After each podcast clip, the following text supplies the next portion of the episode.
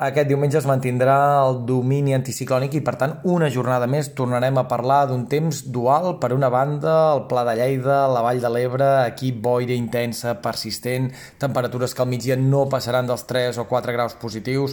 Avui, boira fins al migdia en planes i fondalades de la Catalunya central.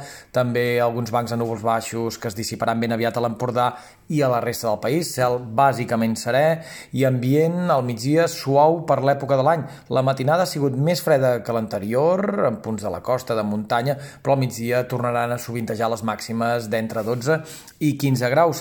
La setmana vinent, especialment el primer tram, més del mateix, sol, boires, demà potser alguns intervals de núvols prims que arribaran cap al tard per Ponent i pel sud.